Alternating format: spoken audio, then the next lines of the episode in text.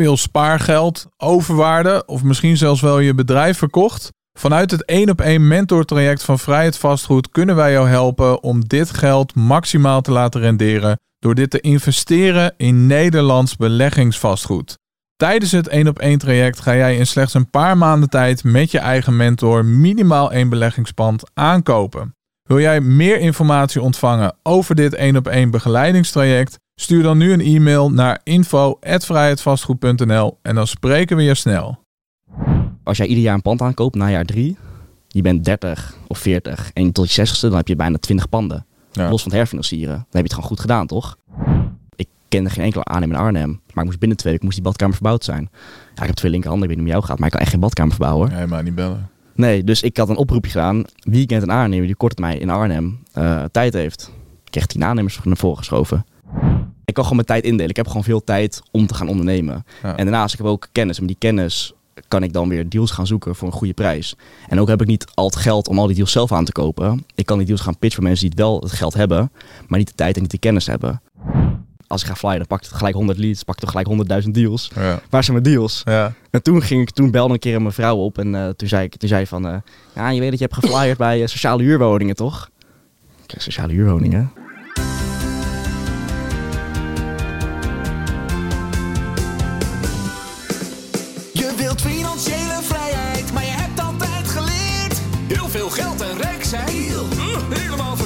Maar dat is niet de mindset, we gaan je inspireren. Met bakken kennis, heel veel nieuwe dingen leren.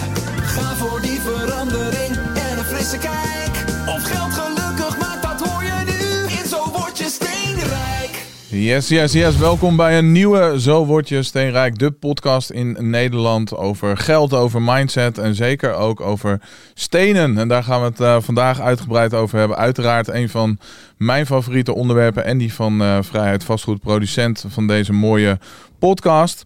Hij zag eh, op zijn zestiende een filmpje van een 21-jarige die een McLaren reed en alleen maar toffe dingen deed. En toen wist hij, ik wil die vrijheid ook. Hij speelt een rich man's game met een broke man's portemonnee, zegt hij zelf. Hij heeft een Ironman tri eh, triathlon gedaan en hij is nu echt een vastgoed eindbaas. En dat al op 22-jarige leeftijd. Ik heb het over mijn gast van vandaag, Jelle Bronshoff. Van harte welkom. Zo, dat is wel een hele mooie introductie. eh. Ja, hè? Als je dat zo hoort, dan is mijn moeder wel trots op me, mag ik hopen. Ja, ja, ik hoop dat ze kijkt, dat ze Ja. luistert. Hoi mam. Nee, altijd Ja. goed als je weer even een eh, motivatieboost nodig hebt. Dan kan jij die intro weer even terugluisteren. Dan denk je, oh ja. ja Een beetje ego, een beetje prikkelen toch? Niet Ja? verkeerd. Is dat belangrijk voor je? Nee, nee, totaal Nee. niet. Totaal niet. Nee, nee. Hey, vertel, eh, ja, hoe, eh, waar, waar kom je van, vandaan? Wat is een beetje jouw achtergrond Ja. dat jij eigenlijk uiteindelijk hier, ja, hier zit en terechtgekomen bent? Dat is een hele goede vraag. Dus net als zei, ik was toen 16 en toen was ik wel een beetje aan het kijken wat wil ik nou gaan doen met mijn leven. En één moment dat me daadwerkelijk bijbleef was inderdaad dat YouTube filmpje van, ik weet niet meer hoe die heette, maar hij was aan de daytraden. Het was gewoon zo'n day in the life. Waarschijnlijk was het helemaal nep, maar dat maakt niet uit. Hij was Een 21, gehuurde McLaren. Eh, Dat, dat laten we even in het midden. Ja. Maar het, was wel veel leuk dat ik eh, een andere kant van, van het leven zag. Ongeacht of het nou werkelijk was of niet. Maar dat was inderdaad een 21-jarige. Die eh, zo'n day in the life van ik word wakker om eh 7 uur. Ik ga een uurtje dit doen en dan ga ik een half uurtje marktanalyse doen. Om 9 uur, half 9 gaan de markt open. Dan ga ik een uurtje daytraden. Dan eh verdien ik eh 2000 euro. En dan eh, pak ik mijn McLaren en dan ga ik sporten. En dan ga ik de rest van de dag uit eten met vrienden chillen. En dan Ja. met zo'n mooie cinematic b-rolls en zo, weet je wel. En dan zie je die auto wegrijden. Toen dacht ik, ja, dat is wel, dat is wel vet.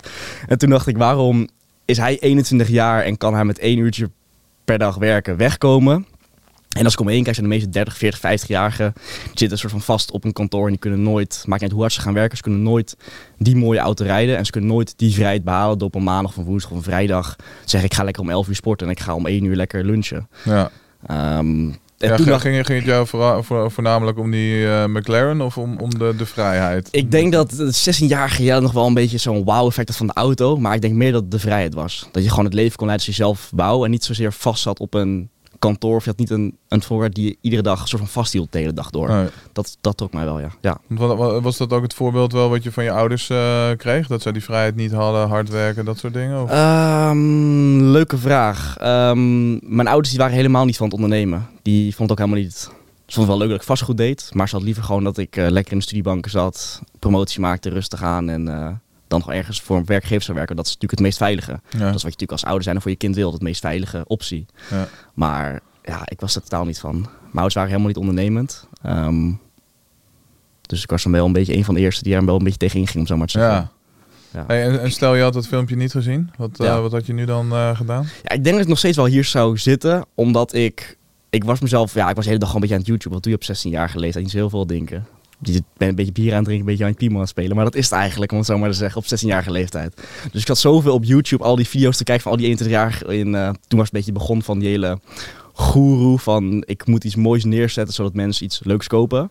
Dus het was niet alleen zijn film, maar het is wel een film dat me bezig, bij is gebleven. Maar er waren honderden van dat soort films dat ik gewoon keek. Ja. En ik was ehm, gewoon heel geïnteresseerd hoe mensen nou geld verdienden. En waarom andere mensen meer hebben dan andere mensen. Ja. En natuurlijk, een hard werken is wel een gedeelte ervan. Maar het is ook waar werk je hard in. Je kan natuurlijk hard werken voor een baas. Je kan natuurlijk promotie maken. Maar je zou nooit inderdaad een mooie auto kunnen rijden. Natuurlijk, een mooie auto rijden is wel leuk. Maar het is niet zozeer het doel. Maar het is gewoon een mooie bijkomstigheid van... Nee, eh, dus dus dat cliché werken. van, eh, van werken zou je nooit eh, rijk worden, Ja. dat, daar sta je helemaal, Ja. helemaal achter. Maar dat, dat, is ook wel, dat is ook wel echt een, een ding. Want bijvoorbeeld begin dit jaar hadden we een transactie gedraaid. Daar verdien je dan dusdanig veel geld in. Wat je bij normale mensen in twee jaar aan modaal inkomen zou verdienen. Zou je gewoon netto heb je dan gewoon geklaard in het één transactie. Ja. Dus ben ik nou zoveel slimmer of beter dan een normale mens, tweedejarige? Nee, natuurlijk niet. Maar het enige wat ik wel heb, is dat ik mijn tijd heb gebruikt om kennis op te doen. In een vakgebied waar er een mogelijkheid was om meer geld te verdienen dan een normaal iemand zou kunnen doen. Ja. Ik ben niet beter, ik ben niet slimmer. Ik bedoel, ik heb geen eh, Harvard degree, ik heb geen eh IQ van 140 Nee, maar misschien wel meer eh, streetwise. Of, en, en, en het feit natuurlijk dat eh, ja, er, zullen veel, veel meer 16-jarige jongeren Mhm. precies datzelfde filmpje gekeken hebben wat jij toen zag. Ja, waarschijnlijk wel inderdaad. En, en, en, en toch is er dan iets anders waardoor nou ja, eh, jij die stappen eh, gez- gezet hebt en, en Ja. de andere blijft er toch Mhm. dromen. Ja. Dus eigenlijk de vraag, wat zou dat zijn? Ja, ik Ja. denk dat het bij mij denk ik wel een klein beetje een, stukje rebels was. En dat ik wou gewoon iets anders doen. En ik vond, ja, ik, ik vond mijn vrijheid gewoon enorm belangrijk. Ik haat altijd om, om half negen of negen uur op school te zitten. En dan om vier uur mocht je pas naar huis toe.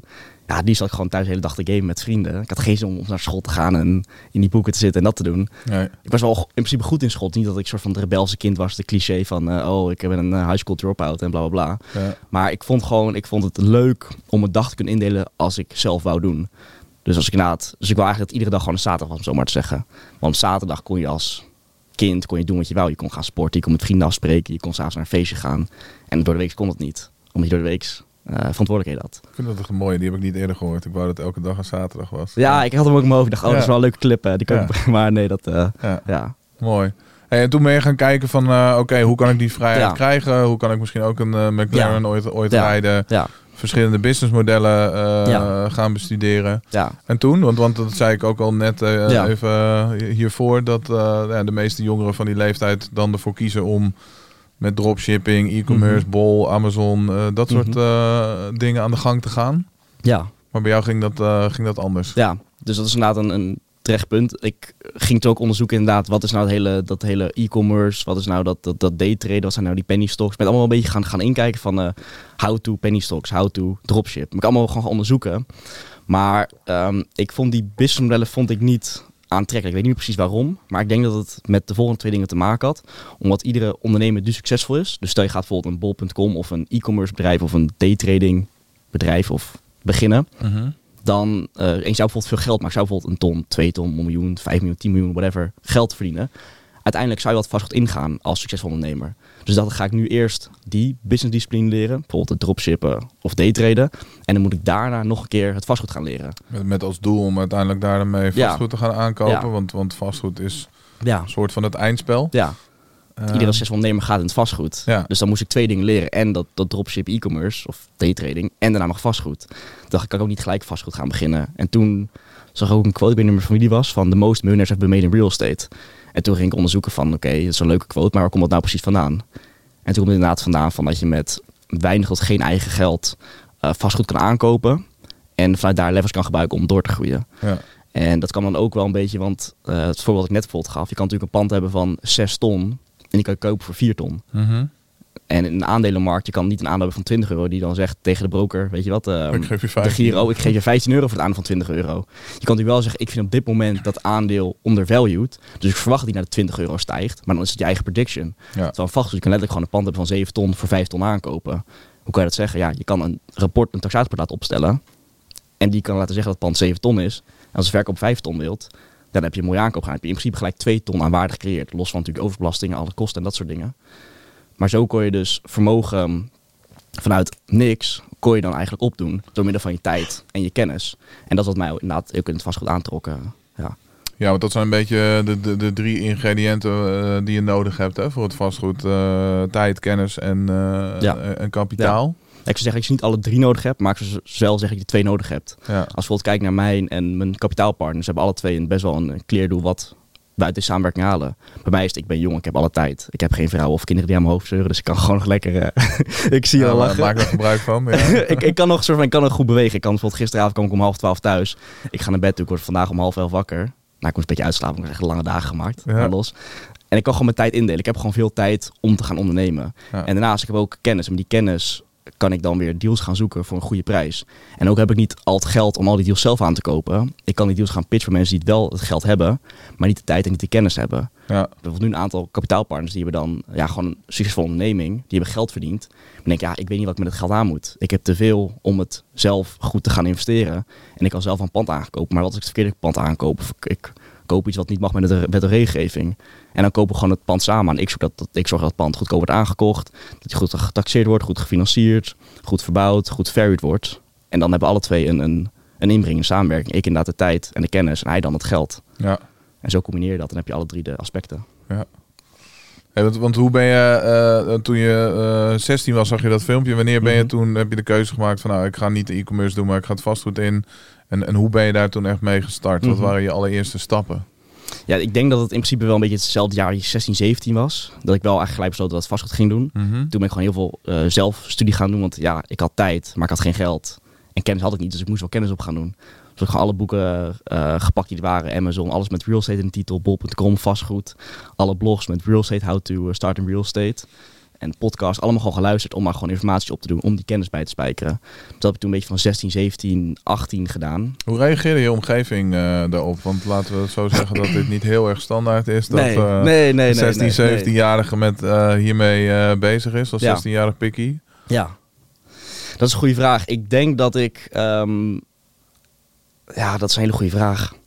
Ja, ik, ik, daarnaast sprak ik natuurlijk gewoon nog met vrienden af. Ik was dit een, een geheim project waar je aan werkte? Dat je eigenlijk weinig mensen over vertelde? Of Nou ja, het was niet zo dat ik opeens uit, uit de kast kwam van... hé, hey, kijk, ik doe vastgoed. Maar het, hey, ik moet je wel bekennen. Precies. Maar ik, ik deed gewoon mijn vrije tijd in mijn, in mijn slaapkamer. En het was niet dat ik, dat ik je tegen iedereen zei, ik ga vastgoed doen. zo. Ik wel tegen mijn ouders wel een beetje. Ik had ook wel wat, wat vrienden waar ik het een beetje mee over had. Maar ja, je bent 16, Ja, 17. precies. Want dat is eh, als ik ergens mee bezig ben, dan ben je daar enthousiast over. En dan, Ja. Volgens mij ben je ook wel een redelijke ouwe hoer dat je daar gewoon ook over wil hebben met je omgeving, of niet? Ja, tuurlijk, tuurlijk, tuurlijk. Ik eh, vond het ook altijd leuk om mijn vader, die, ehm, die was helemaal niet ondernemend. Echt gewoon 0,0. En ik ging hem altijd wel, misschien terugkijken, misschien wat kritische, misschien brutale of irritantere vragen stellen van waarom doe je dit met je geld? Waarom stop je niet in aandelen? Waarom doe je dit via fondsen? Waarom laat jij het door de ABN AMRO beheren en dan betaal je een eh, 3, 4, 5 procent eh, management fee, weet je wel? Dat is gewoon zonde van je rendement, toch? Ja. Terwijl als je in, in een, in een, in een ehm, ETF stopt, dan zou je het eh, op lange termijn veel meer geld kunnen verdienen, want dan heb je geen management fee. En ik ga allemaal van zulke vragen stellen. En mijn vader, die had er echt niks mee te maken. Die vond het gewoon kut en die dacht, hou gewoon je mond jellen, dit en dat. ja, wie ben jij om... dit, precies inderdaad, je bent 17, ik bedoel, ga weg. Ga buiten spelen. Precies, daarom inderdaad. Ga doen wat je, wat je, wat je levensgenoten doen. Dus ehm, ik denk dat ik toen ook wel heel erg niet per se in mezelf ben gedoken, maar ik denk dat toen op een gegeven moment wel dacht van ja, ik, ik ga gewoon lekker mijn eigen ding doen. En het maakt me zoveel uit wat mijn ouders ervan vinden of mijn vrienden ervan vinden. En ja, heel veel mensen op 16, 17 zeggen ja, ik word de next Bill Gates, next Elon Musk. Ik heb een heel goed, briljant project. Maar ja, dan komen ze met hele leuke dingen, hele leuke luchtkastelen. Maar uiteindelijk komt er niks van. Dus ja, ik kan nu wel tegen iedereen gaan zeggen van kijk, ik ga vastgoed doen. En kijk mij, kijk mij. Maar ja, wat is dan over vijf jaar nog steeds zeg van kijk mij, ik wil vastgoed gaan doen. Ik doe nog steeds niet. Ik dacht van ja, dan zou ik dik afgaan. Dus ik hield het altijd wel een beetje voor mezelf. Dus je hebt vooral je, je, je daden, je acties gewoon laten spreken en niet je woorden. Ja, ik denk eigenlijk pas totdat ik eh, de Instagram Jelle laagstreepje vastgoed begon. Dat toen eigenlijk pas een beetje naar buiten kwam wat ik eigenlijk deed. Eh, daarvoor heb ik niet heel veel met vrienden of mensen erover gehad van eh, dat ik wat, ik- wat ik deed Maar eigenlijk. wat was dan de eerste daadwerkelijke eh, stap, de eerste pand wat je Mhm. sourced of Ja. wat je aankocht? Of wat, Ja. Ja, het eerste wat dus begon was gewoon met kennis op te doen. En toen op een gegeven moment keek ik mezelf in de spiegel aan. Toen dacht ik van, ja, ga je nog, nog een extra boek lezen? Je hebt er al honderd gelezen. Ik bedoel, wat gaat het extra boekje brengen? Niks. Toen dacht ik, ik moet gewoon de praktijk gaan. Toen ben ik gewoon een, ja, gewoon een terugkijk, echt een rukflyertje gaan, gaan ontwerpen. En die gaan, gaan verspreiden. Maar Dat die zijn, die zijn het beste, man. Ja, die waren echt slecht. Als ik die flyer voor mij ook... eh Ja. echt, eh, maar daarom werken ze wel vaak. Ik moest er bijna van huilen dat ik hem laatst weer tegenkwam Ja. in de doos dat ik ging verhuizen. Maar die ging toen rondspreiden in, in Alkmaar. En toen liep ik daar... eh, ik, ik, ik, ik, toen vond ik het helemaal niet leuk dat ik vastgoed deed. Ik vond het wel leuk, maar ik vond het stigma van het vond ik helemaal niks aan. Dus ik ging toen echt letterlijk om vijf uur s ochtends ging flyeren, dat het al gewoon donker was. Dat niemand me aangespreekt van, ben je nou flyers aan de rondbrengen om wonen te kopen? Ik deed het gewoon helemaal stiekem in het donker. En toen bracht ik gewoon van vijf tot zeven uur s ochtends gewoon flyers rond. En toen eh, gewoon wachten op respons. Maar ik, fluit, ik was toen wel een beetje echt zo- zo'n kut jongen. Ik fluit ook op de nee-nee-stickers, weet je wel. Maar ik kreeg maar geen respons. Dus alleen van die oude Karens die zeiden van... eh, nee-nee-sticker, dat mag niet. Toen zei ik van, oh sorry, dat is de postbode. Ik, welke adres is het? Dan zorg dat hij daar niet meer komt. En ehm, zo ging ik toen een beetje beginnen. En toen, was denk ik, toen liep ik het eerste weekend geflyerd. En toen zag ik duizend keer die flyer, met duizend flyers aan het rondbrengen was. Toen dacht ik, ja, die flyer is best wel ruk. Ging, ik ging ik eh, zondagavond ging ik weer een nieuwe flyer bestellen. En zo begon ik twee, drie weken door te doen. En toen op een gegeven moment dacht ik, waarom heb ik geen reacties? Ik bedoel, ik ging in met, ik moet vastgoed gaan doen. Als ik ga flyen, dan pak ik gelijk 100 leads, pak ik toch gelijk 100.000 deals. Ja. Waar zijn mijn deals? Ja. En toen, ging ik, toen belde een keer een mevrouw op en eh, toen zei ik toen zei ik van, eh, ja, je weet dat je hebt geflyerd bij eh, sociale huurwoningen, toch? Sociale huurwoningen? Ik wist niks met het Nederlandse woning. Ik, ik, wist, ik had alles in Amerika. Ik dacht, sociale woning, puntenstelsel, wat, wat is dat, weet je wel? Dus toen ging het allemaal googlen en toen bleek inderdaad dat alle woningen met een beetje dezelfde kleur voordeur, dat waren allemaal woningcorporaties. Die kon je eigenlijk niet kopen als particuliere koper. Nee. Ja, dan krijg je niet veel reactie. Nee, nee. Dus ik snapte toen ook waarom ik inderdaad al die, die zaterdag, zondagochtenden gewoon geen reacties kreeg van al die weken dat ik had. En toen ging ik naar een lely. Toen dacht ik, ja, maar waar moet ik nu naartoe gaan? Om wel deals te gaan doen. En toen begon een beetje een leliestap. Ja, toen ook ben begonnen, geloof ik, eh, met Ja. deals. Want toen zag ik dat heel veel mensen een beetje naar, naar leliestap was. Dat was misschien 2000, eind 18, 19, Ja. 20 of zo was het toen nog een beetje. Voordat je met die vierman eh registratie en opkoopbeschermer en al die andere onzin te maken had. Dus toen was er een leliestap gaan flyeren. Daar Ja, krijg je wel... eh, ja, toen nam ik al gewoon een broertje mee. Ik Zeg mijn broertje, hier heb je een eh, tas en een flyer. Ga je lekker die straat doen, dan rijd ik vier wijken verderop en dan ga ik het daar doen. ja. Toen ben ik daar gewoon gaan flyeren. Toen belden mensen me op van, ik zie dat je woning wilt kopen. Ehm, ik wil mijn woning verkopen. Maar w- werd je wel eh, ook, ook serieus genomen? Ik kan me ook voorstellen dat sommige mensen daarin gewoon, als ze dan eh, nou ja, zien dat er, eh, nou, Ja. tegen die tijd was je misschien 18. Ja. eh? ik had net een, eh, Werken? ja, 18, ja. ik had net een haartje op mijn, eh, op mijn onderkeer gekregen. en, eh, net een beetje de baard in je keel gekregen, om zo Ja. maar te zeggen. Nee, maar dat, dat liep ook wel echt, het begin echt enorm tegenaan. Want ik had ook geen enkele transactie gedaan. Dus alles wat ik tegen die mensen zei, dat was allemaal gewoon aan mijn losse pols geslingerd. ik had nog nooit een woning bezichtigd om zelf aan te kopen. Een woning bezichtigd om te huren. Dus ik had geen flyer hoe je moest bezichtigen. Dus ik liep naar die woonkamer binnen en ik zei... Surf rondje om de woning. Ik wist oprecht niet wat ik moest zeggen. Dus ik, ik, ik lulde maar zo slap. Op een gegeven moment verloren die verkoop ook, ook inderdaad vertrouwen in mij als, als koper zijnde. Toen gingen ze praten over een koopcontract met ontbindende voorwaarden en zo. Toen dacht ik, ja, financiering en eh moet even kijken hoe en wat. En eh terugkijken, dacht ik wist helemaal niet wat ik deed. Maar het enige wat ik wel wist, is dat ik als ik gewoon een beetje door blijf gaan, dat ik dan wel respons krijg. En op een gegeven moment gaandeweg leer je wel een beetje. Dus Ja. het gewoon een aantal keer fout en dan doe je het een paar keer goed. En dan op een gegeven moment dan heb je iemand die zo wil verkopen en dan heb je daar een belegger voor. En Ja. dan stoot je hem door. Dus dat, dat, dat was het eerste wat je ging doen. Ja. Want jij doet heel veel, hè, voor de duidelijkheid. Ja. Je doet heel veel verschillende dingen in het, Ja. in het vastgoed. Ja, Er zijn ook heel veel eh, mogelijkheden en heel veel eh, strategieën eh, in het vastgoed om daar rendement mee eh, te maken. het is ook wel Maar- een rendement. Ik zeg rendement. Ik Ja, ik zeg ook, ja, ik weet het niet. Ik, ik zei vroeger ook eh, rendement. Ja, En ik hoor heel veel eh, mensen hoor ik dan zeggen rendement. ja ik, ik weet niet. Dus ik weet het niet. Ja, maar, Maar geld verdienen met ja. vastgoed. Ja, toch? laat daar maar Ja, houden. we ja. daar maar houden. ja. La- laten we daar misschien voor de, voor de luisteraar die dat niet weet, Mhm. wat dat precies. Want in Nederland is dat niet zo ehm, ja, bekend als, als bijvoorbeeld in de, Mhm. in de UK is het echt een, eh een De vak. dealfinder, een beroep, hè. De en, dealfinder. eh, ja, ja. Eh, wa- wat is een dealfinder en eh, wat doet Mhm. die? Ja, nee, dus eigenlijk hoe ik dan ben begonnen wat je eigenlijk naar vraagt. Hoe begin je dan als je geen geld hebt, maar wel tijd? Ja, Dus dat was in principe gewoon van die scheidirritante flyers in de briefbus gooien van... Wil jij je woning verkopen? Bel mij. En dan belt de verkoper jou. Je zegt best wel, ik wil mijn woning verkopen voor een x-prijs. En dan je, ja, is goed, ik ga kijken of iemand voor je hebt. En dan ga je je netwerk kijken. Of je gaat in een Facebookgroep of een, of een WhatsApp-groep. Of je belt een makelaar op. Dan ga je kijken, wilt iemand deze woning kopen voor 2 ton? En dan ga je gewoon op zoek naar beleggers die die woning willen kopen. Beleg ze, nou goed, ik wil die woning kopen voor 2 ton. Zeg je, nou goed, eh, hier kan je bezichtigen. Moet je, moet je mij wel een courtage betalen om die woning aan te kopen. Je bent een soort van een, aankoopmakelaar. Die, eh, voor, je bent eigenlijk een soort van een verkoopmakelaar. Maar je wordt betaald door de kopers. Ja, En je doet het geheel kosteloos voor de verkoper eigenlijk. ja. Dus je zoekt woningen voor beleggers eigenlijk. Dat is een beetje waar dat neerkomt. En die verkoop je dan aan ze. Ja, dus in plaats van dat je een, een makelaar bent en vraag en aanbod eh, bij elkaar brengt tussen eh, particuliere Mhm. verkopers en, en vaak Ja. eh, particuliere Ja. aankopers, Ehm, ja, doe je dat vraag en aanbod Ja. richting, eh, richting beleggers? Ja, ja.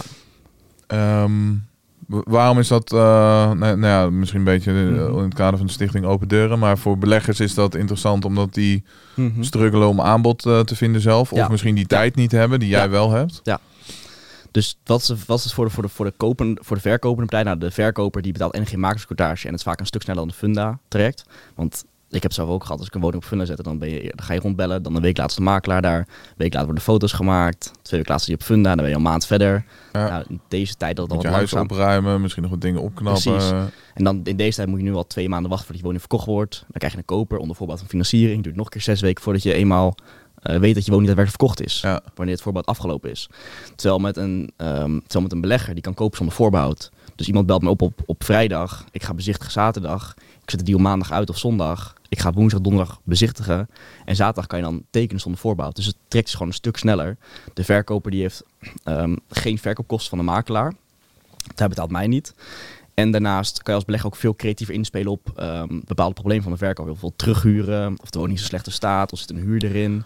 Eh, dus dat zijn voordelen voor de verkoper en de koper. Ja, de meeste vastgoedbeleggers, dat zijn ehm, in het verleden, maar nu zie je ook wel veel meer dat die mensen toetreden. Dus toch wel de mensen die succesvol zijn in een, binnen een bedrijf, die veel geld hebben verdiend daar. En wat gaan ze, wat, waar kunnen ze tijd beter aan besteden? In het bedrijf waar ze al honderdduizend euro's of miljoen hebben verdiend.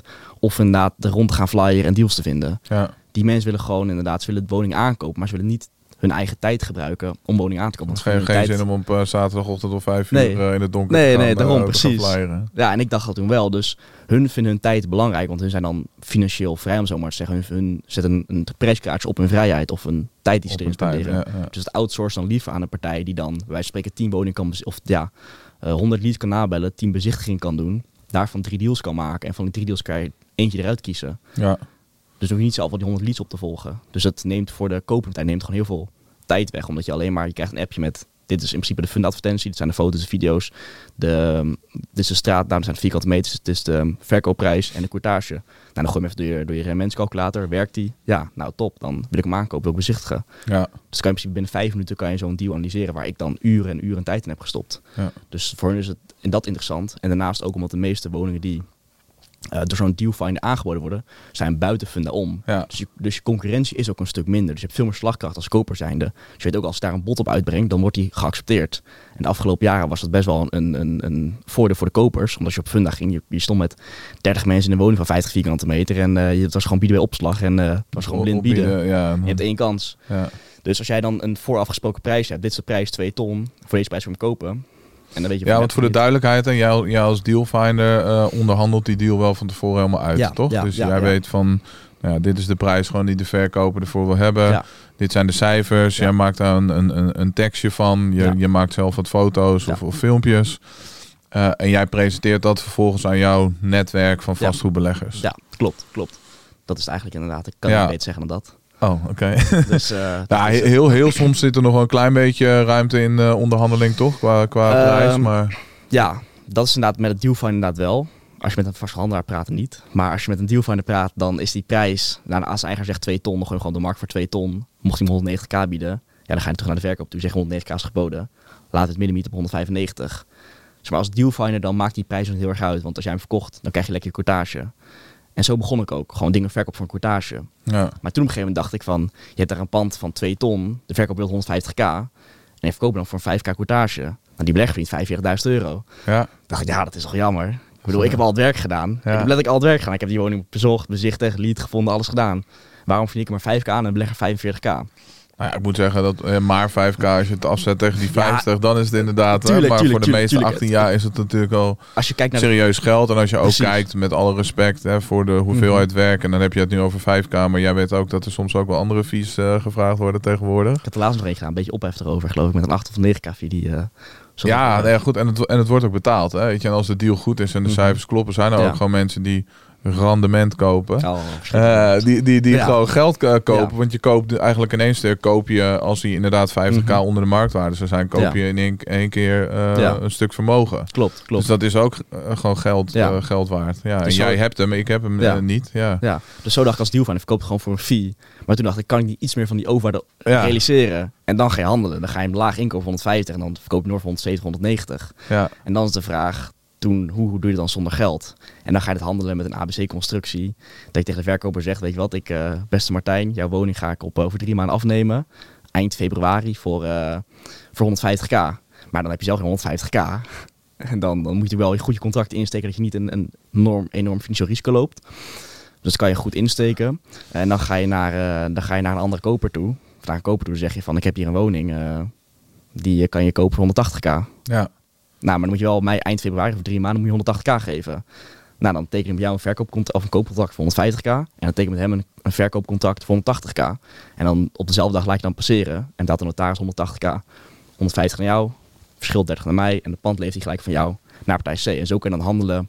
Ja, en eigenlijk heeft hij geld. helemaal niet op jouw naam gestaan. Hij heeft niet Helemaal in het kadaster op jouw naam eh, Nee. gestaan. Je hebt geen geld nodig om het pand alsnog te kunnen handelen. Dus dit is een, een, eh, een ABC-transactie. Ja, ja. Let wel, kleine disclaimer. Ik weet niet of dit vastgoed voor beginners is. Dus als je geen ervaring hebt in vastgoed, er zitten ook wat haken en ogen kunnen eraan Ja, eh, je, zitten. je, je moet je contracten goed insteken. Je moet zorgen dat je het niet eh, verbergt. Je kunt het wel verbergen, maar uiteindelijk moet je wel melden dat het een ABC is. Want anders kan een partij C in probleem komen met financiering. Dus je moet, er zijn heel veel kleine dingen waar je op moet letten. En, en het, het, het percentage wat jij erop mag, eh, moet wel enigszins eh, toch binnen het eh, redelijke zijn. Anders krijg je echt wel met de notaris en zo kan je ook wel wat eh, problemen krijgen. Dat is een hele leuke vraag. Ehm, de banken die hebben inderdaad een, een bepaald percentage verschil, per bank die ze doen.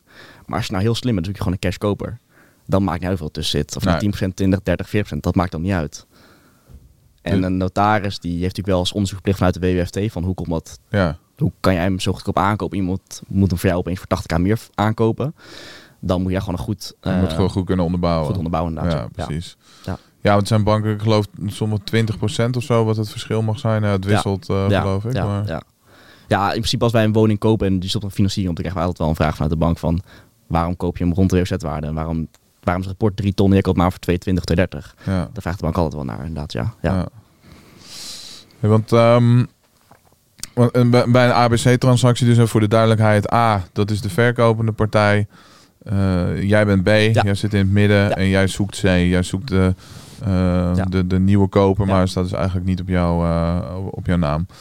Oké, dus we hebben Dealfinder gehad. Daar ben je destijds mee Ja. begonnen. Ja. Wat was de fee die je verdiende op je eerste transactie als Ja, toen, was, toen was het nog inderdaad, toen was het allemaal nog een beetje 5000 euro fees. En nu is het wel een beetje de pan Zo uit. weinig. Ja, het was nog een percentage, anderhalf procent. Ja, daar begon het mee. Hè? Het was zo in het begin gewoon echt eh, anderhalf, twee procent. Ja. Een beetje de courtages die een makelaar ook krijgt bij, Ja. bij een transactie. Ja. Nou, en eh, nu zijn het gewoon vaste, vaste bedragen. En is het ook gewoon daar gewoon wat... Maar we eh, willen toch geld verdienen, Martijn? wat een gek nou. krijgen. Nee, ja, zeker, nee, nee, ga zeker, ga ga zeker, ga. Nee, maar dat, is gewoon... Ja. Op een gegeven moment, in het begin als dealfinder, dan... eh, Ja, maar ik heb er ook helemaal geen... eh, ik heb ook genoeg Nee. eh, fees aan Dealfinder betaald. En ik heb daar helemaal geen moeite mee. nee. Waar ik wel moeite mee heb soms, is dat eh, de deal dermate wordt opgepoetst. En als je dan een klein beetje onderzoek gaat doen, dat het gewoon echt brandhout eh, blijkt te zijn. Daar Maar heb ik wel Martijn, moeite mee. Het is toch 50 keer de leegwaarde? Wat boeit nou dat je verkoopt in, in een uh, vuurder staat om badij voor 700 euro huur? Dat is Ja. gewoon 50 keer beneden de marktwaarde, Ja. leegwaarde. En eh, als, als er gezegd wordt van ja, dit is de prijs, prima, weet je, dan is die uit eh, onderhandeld en dan, Ja. eh, dan betaal je dat ook. Maar als er dan wat meer animo bleek te zijn, dan werd het toch, ging je alsnog daar tegen elkaar op moeten bieden. Dat ik dacht van ja, weet je, dat, dat vind ik dan... Er zijn wel vaak dingen gebeurd in, in het vastgoed. Het gaat gewoon over veel geld. Dus je ziet dat mensen toch wel snel hun principes wegleggen als het over geld gaat. Ja, Dat, nee, er, zitten gewoon heel veel cowboys in het, in het Tuurlijk. vastgoed. Ja. Dus, eh, maar jij niet toch? Jij bent geen cowboy. Nou ja, ik, ik, ik, zou je, als ik zou je mijn tanden liegen als ik nooit gezegd dat ik, een, dat ik terug op het terras zie en daar niet even trots op geweest zijn. Maar ik, ik heb wel geleerd, vast is je naam dusdanig belangrijk. Dat op het moment mocht je hem één of twee keer schaden, dan ben je gewoon klaar. Want het is gewoon een klein wereldje. Ja, Uh, dus mocht ik een keer iemand ergens naaien, dan zou dat vroeg of laat toch wel terugkomen. Dus ik kies dan liever voor om een transactie niet te doen of wat minder erop te verdienen. Ja. Dan dat ik inderdaad een, een vijand binnen het vastgoedmarkt. Want ja, ik ben 22, ik ga het nog tot mijn 60ste doen. Als ik nu van 10 mensen waarmee ik eh, zaken doe, acht man een slechte smaak nalaat. Ja. Met hoeveel mensen kan ik dan samenwerken als 50 ben? Het is allemaal een beetje lange termijn eh, visie. Ja. Maar goed, misschien ehm, doe je dan wel wereldwijd vastgoed of eh, ver buiten Nederland. Ja, ik heb toch geprobeerd in het buitenland, maar dat was niet mijn groot succes. Nee? nee, nee. Hey, dus de uh, dealsourcen, ehm, ABC-transacties, wat, wat doe je ondertussen nog meer in het, uh, in het vastgoed? Ja, echt van alles. Dus wat jij al Oh, zei, ik begon... vragen wat niet. Ja, we begonnen bij de, de deal van de dingen verkoop voor een fee, dan naar het handelen toe. En vanuit handelen dan denk je, van, ja, de reden dat je vastgoed doet is een portfolio op te bouwen. Dus dan is het leuk dat je elke keer, weet ik veel, 20k hier, 70k daar, 150k daar, 40k daar verdient. Ja, want op een gegeven moment heb je eh, schoenendozen vol met, eh, met geld. En, Nou ja, eh, kijk even uit wat belastingdienst hier eh, meekijkt. Maar ehm, op een gegeven moment dan denk je, ja, de reden dat je vastgoed doet is om je portfolio kan opbouwen om vrijheid op te, te krijgen. En dat heb je alleen door een passieve, passieve huurstroom te krijgen. Ja. Dus dan ga je van handelen, ga je naar het investeren. Dus koop je dingen aan voor de verhuur. Dus dat zijn eigenlijk de drie dingen wat we nu doen. Of, en nu is het inderdaad meer het verhuren. Ehm, dus dat. Daarnaast doen we ook, ja, ik ben nu begonnen met een, met een beheersbedrijf op te gaan zetten. Dus om woningbeheer te nemen voor andere mensen, dus verhuurbeheer te doen. Eh, daarnaast krijg ik zoveel reacties op mijn op. Ik heb een, een Instagram begonnen, Jelle Vastgoed, afgelopen jaar. Ik krijg zoveel reacties op dat mensen het gewoon leuk vinden wat ik doe. Dat ze allemaal vragen van, kan ik je ook, eh, kan je maar leren wat jij doet? Dus vanuit daar zijn we ook een beetje coaching begonnen. ja. Dus eh, eigenlijk alles hoe, wat je... hoe tof is dat eigenlijk als je erover nadenkt? Want je zegt dat het net Mhm. zo veel makkelijker is dat jij een filmpje zag zes jaar geleden van Mhm. een, een, en daardoor geïnspireerd raakt. En dat Ja. jij nu dus voor ja, anderen, misschien ook van die leeftijd, misschien wat ouder Mhm. dan jezelf bent, eh, jij een inspiratie bent. Ja, dat vond ik altijd wel leuk. Gisteren was ik echt 13 uur onderweg, was ik met al mensen aan het praten. En dat Dus- zonder een McLaren. Ja, maar dat, dat kreeg, me wel energie. Want in het begin toen vond ik het jammer dat ik niet, dat ik 16, 17 was, dat ik niemand had die bij, mij bij mijn hand kon vastpakken en zeggen van zo moet je een beetje bewegen binnen Mm. het hele ding. Want daarom ging ik zoveel kennis opdoen, omdat ik niet wist waar ik moest beginnen. Dus ik vind het wel leuk dat ik dan nu, zes jaar later, ja, ik moet er wel van McLaren gaan huren of een Lambo gaan huren en eh leuke video's opnemen, maar eh, wel leuk dat ik dan nu, dat een inspiratiebron voor anderen kan zijn. Ja, ja dat is wel leuk. Ja. Ehm, dus je doet nu ja, van alles in het eh, vastgoed beheren, de Ja. deal sourcen. En, ook die drang echt, of, of dat, dat je dat leuk vindt om dat aan anderen over te dragen, om dat aan anderen te leren? Ehm, ja, ja. Ik, ik, ik moet wel zeggen dat het wel mijn passie is geworden, dat hele vastgoed gebeuren. Dus ik krijg altijd wel een big smile van als ik over begin te praten op, eh op verjaardagen of andere dingen. Dus Ja? als mensen naar vragen en ze vinden het gewoon leuk wat je doet, dan vind ik het gewoon leuk om ze op weg te helpen. Wat, wat dus- maakt dat vastgoed dan zo mooi voor jou? Ja, ik weet het niet. Ik heb me denk gewoon een beetje gebrainwashed naar al die boeken, al die podcasts en eh, ik denk dat het wel een beetje is. Ik, ik vind het gewoon leuk wat ik doe. Is het, is het, ehm, het, het heeft voor veel mensen die het nog niet erin Mhm. zitten, maar het wel Ja. zien een beetje van buitenaf, heeft het iets, iets magisch. Ehm, hey, iets, iets, iets, Mhm. eh, ja, het kan soms ook wat minder mooi zijn dan het misschien van buiten lijkt. Is het zoals jij je voorgesteld had, of was het heel anders? Ehm, is dat wat ik dacht dat het was? Ik denk niet zozeer dat ik gefocust was dat ik begon op van wat zijn er de moeilijkheden, maar meer wat kan ik eruit halen. Mhm. En wat ik eruit kon halen was een soort van vrijheid en geld. Dus daar was ik meer gefocust als 16 jaar. Ja, ik dacht niet aan, oh, maar het is toch moeilijk en je krijgt problemen en hoofdpijn en al die huurders en al die Ja. verbouwingen. Daar dacht ik allemaal niet aan. Dus ik denk dat ik het gaandeweg maar een beetje, al ben een beetje aan het ontrafelen geweest van hoe het nou precies eruit zag. Want ja, laten we eerlijk zijn, ik was 16, 18, wat weet je nou van de wereld af? Helemaal niks. Nee. Waarschijnlijk als ik 40 ben, dan kijk ik terug. Dan denk ik, zie ik hier mezelf als 20 jaar zitten. denk ik van, je hebt geen fly daar over wist maar niks. zo leer je. Dus ik denk dat het gaandeweg gewoon een beetje mijn hoofd aan veel dingen heb gestoten in het vastgoed. Met aannemers die bijvoorbeeld aan het oplichten waren. Of handelaren die inderdaad met een AMC-transactie een beetje aan het, aan het sjoemelen waren. Ja, want daar wil ik net naar vragen. Hè? ja. Want het klinkt nu allemaal heel tof van Ja. eh, nou ja, vrijheid en, en Ja. geld verdiend en zo. Maar ja, er zullen ook wel eh, Ja, minder tuurlijk. mooie momenten Tuurlijk. en grote lessen zijn geweest. Nee, bijvoorbeeld begin van het jaar hadden we een transactie gedraaid in Arnhem. Ik ben op zich wel open over. Dat kan je allemaal op, opzoeken, het klas natuurlijk. Hadden we aangekocht voor 171, doorverkocht voor 250. Nou, zou je leuk denken, leuk, 80.000 euro winst. Ja, dat is toch wel een lekker jaarsalaris voor iemand in de eerste drie maanden van 20 zeker. jaar. Maar als je kijkt wat voor hoofdpijn hij heeft gezeten. Ik heb, die, ik heb daar 20.000 euro aan verbouwing gestopt voordat, die, voordat het pand überhaupt voor mij was. En toen we die verkoop wou die ontbinden, Want je had eh, een sleutelverklaring eh helemaal gekregen. niks. Helemaal niks. Dus- ja, dat, dat, pand, dat pand gewoon leeg. Dus je had de sleutel gekregen zonder sleutelverklaring. Jij ging het pand gewoon eh, verbouwen en je dacht, het komt wel goed. Dat komt wel goed inderdaad, ja. Het kwam- Het kwam bijna niet goed.